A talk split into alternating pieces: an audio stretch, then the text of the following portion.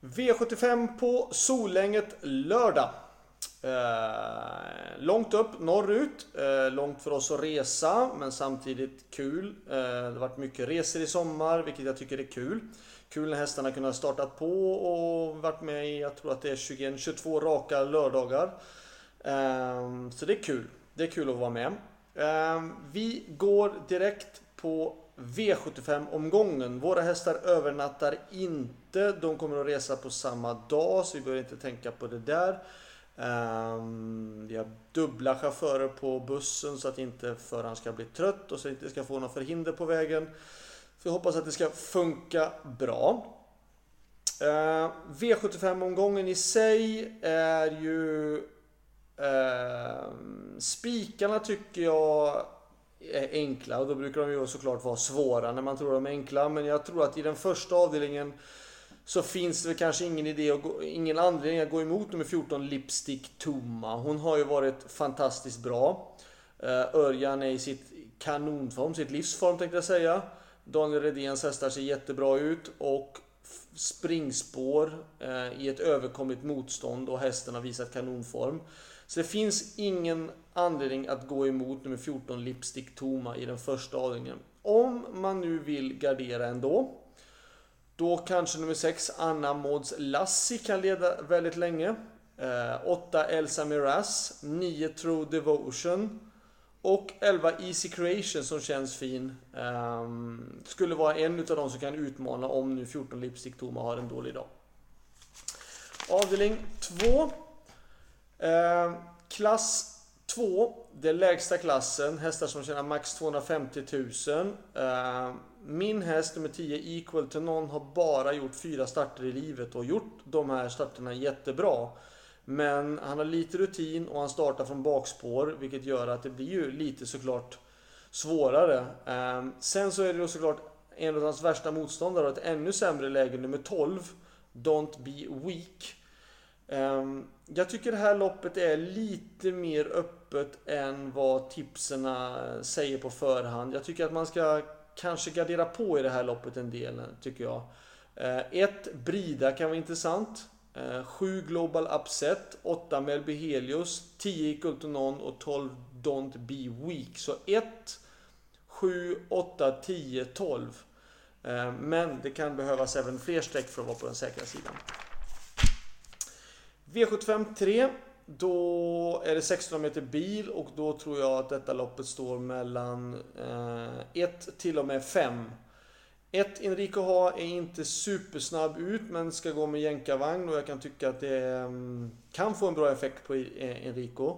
Eh, 2 La Plubel, är en jättefin fin häst med en enorm speed. Eh, tre Slippery Runaway har ju gjort det jättebra, gjorde det bra på Årjäng då, ledde länge, kan leda runt om. Fyra Global Visard kan vara intressant och självklart då nummer fem Moses. Så ska jag rangordna det så säger jag fem, två, tre, ett, fyra skulle jag nog säga ungefär i den ordningen. Avdelning 4 kallblodsloppet och jag tror inte att någon häst som på, på start klarar att hålla undan. Det är mycket möjligt att nummer ett kan leda väldigt länge. Men jag tror ändå att loppet står mellan de hästarna som står på 20 tillägg och då är det nummer 6 Bolbrage, 9 Pyrmo, 11 Valle-Hugo och 12 Spang Viktor som jag tycker är mest intressant. Så 6, 9, 11 och 12. Uh, ska vi ta ytterligare någon häst så kanske... Kanske min styrning då, nummer 4, As Balder. Om jag skulle få ett absolut maxlopp där. Eh, kunna smyga med. Hästen har ju gått bra. Men det krävs en absolut klaff tror jag för att det ska kunna gå vägen. V755 är den andra spiken och det är då min häst nummer 2, Sapdi Girifalco. Ehm, det har ju blivit lite annorlunda då när nummer 10, Vai Victis Club, är struken. Och det är klart att det gör ju eh, inte vägen lättare, men motståndsmässigt så blir det ju lättare såklart. Eh, Saptiri Falco känns fortsatt bra. Och eh, värsta motståndaren nu då på förhand kanske 3 Spickleback Face, varningen. Eh, ett High Glider kanske. Eh, men jag är väldigt nöjd med Saptiri Falco. Han har gjort fantastiska bra lopp hela tiden. Han har, de fem sista loppen han gjort har varit kanonbra allihopa. Så jag, jag, är väldigt nöjd med honom. Så får vi se dem. V75 6 är voltstart och 2640 meter ska man inte missa.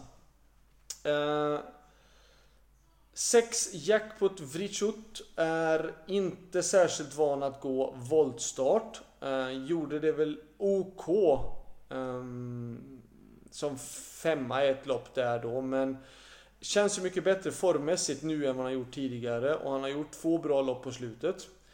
Eh, jag tror att han kan öppna så pass bra att han kan få ledningen, vilket skulle vara en fördel för att han har gått väldigt bra i ledningen. De två sista segrarna är tagna just från spets.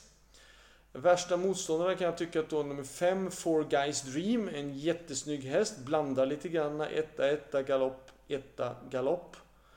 Ehm, sen så tycker jag då att nummer 10, Anything for You. Risto Airaxinen kommer vi ihåg för ett antal år sedan. Han kom en jättehög med hästar och de gick väldigt bra.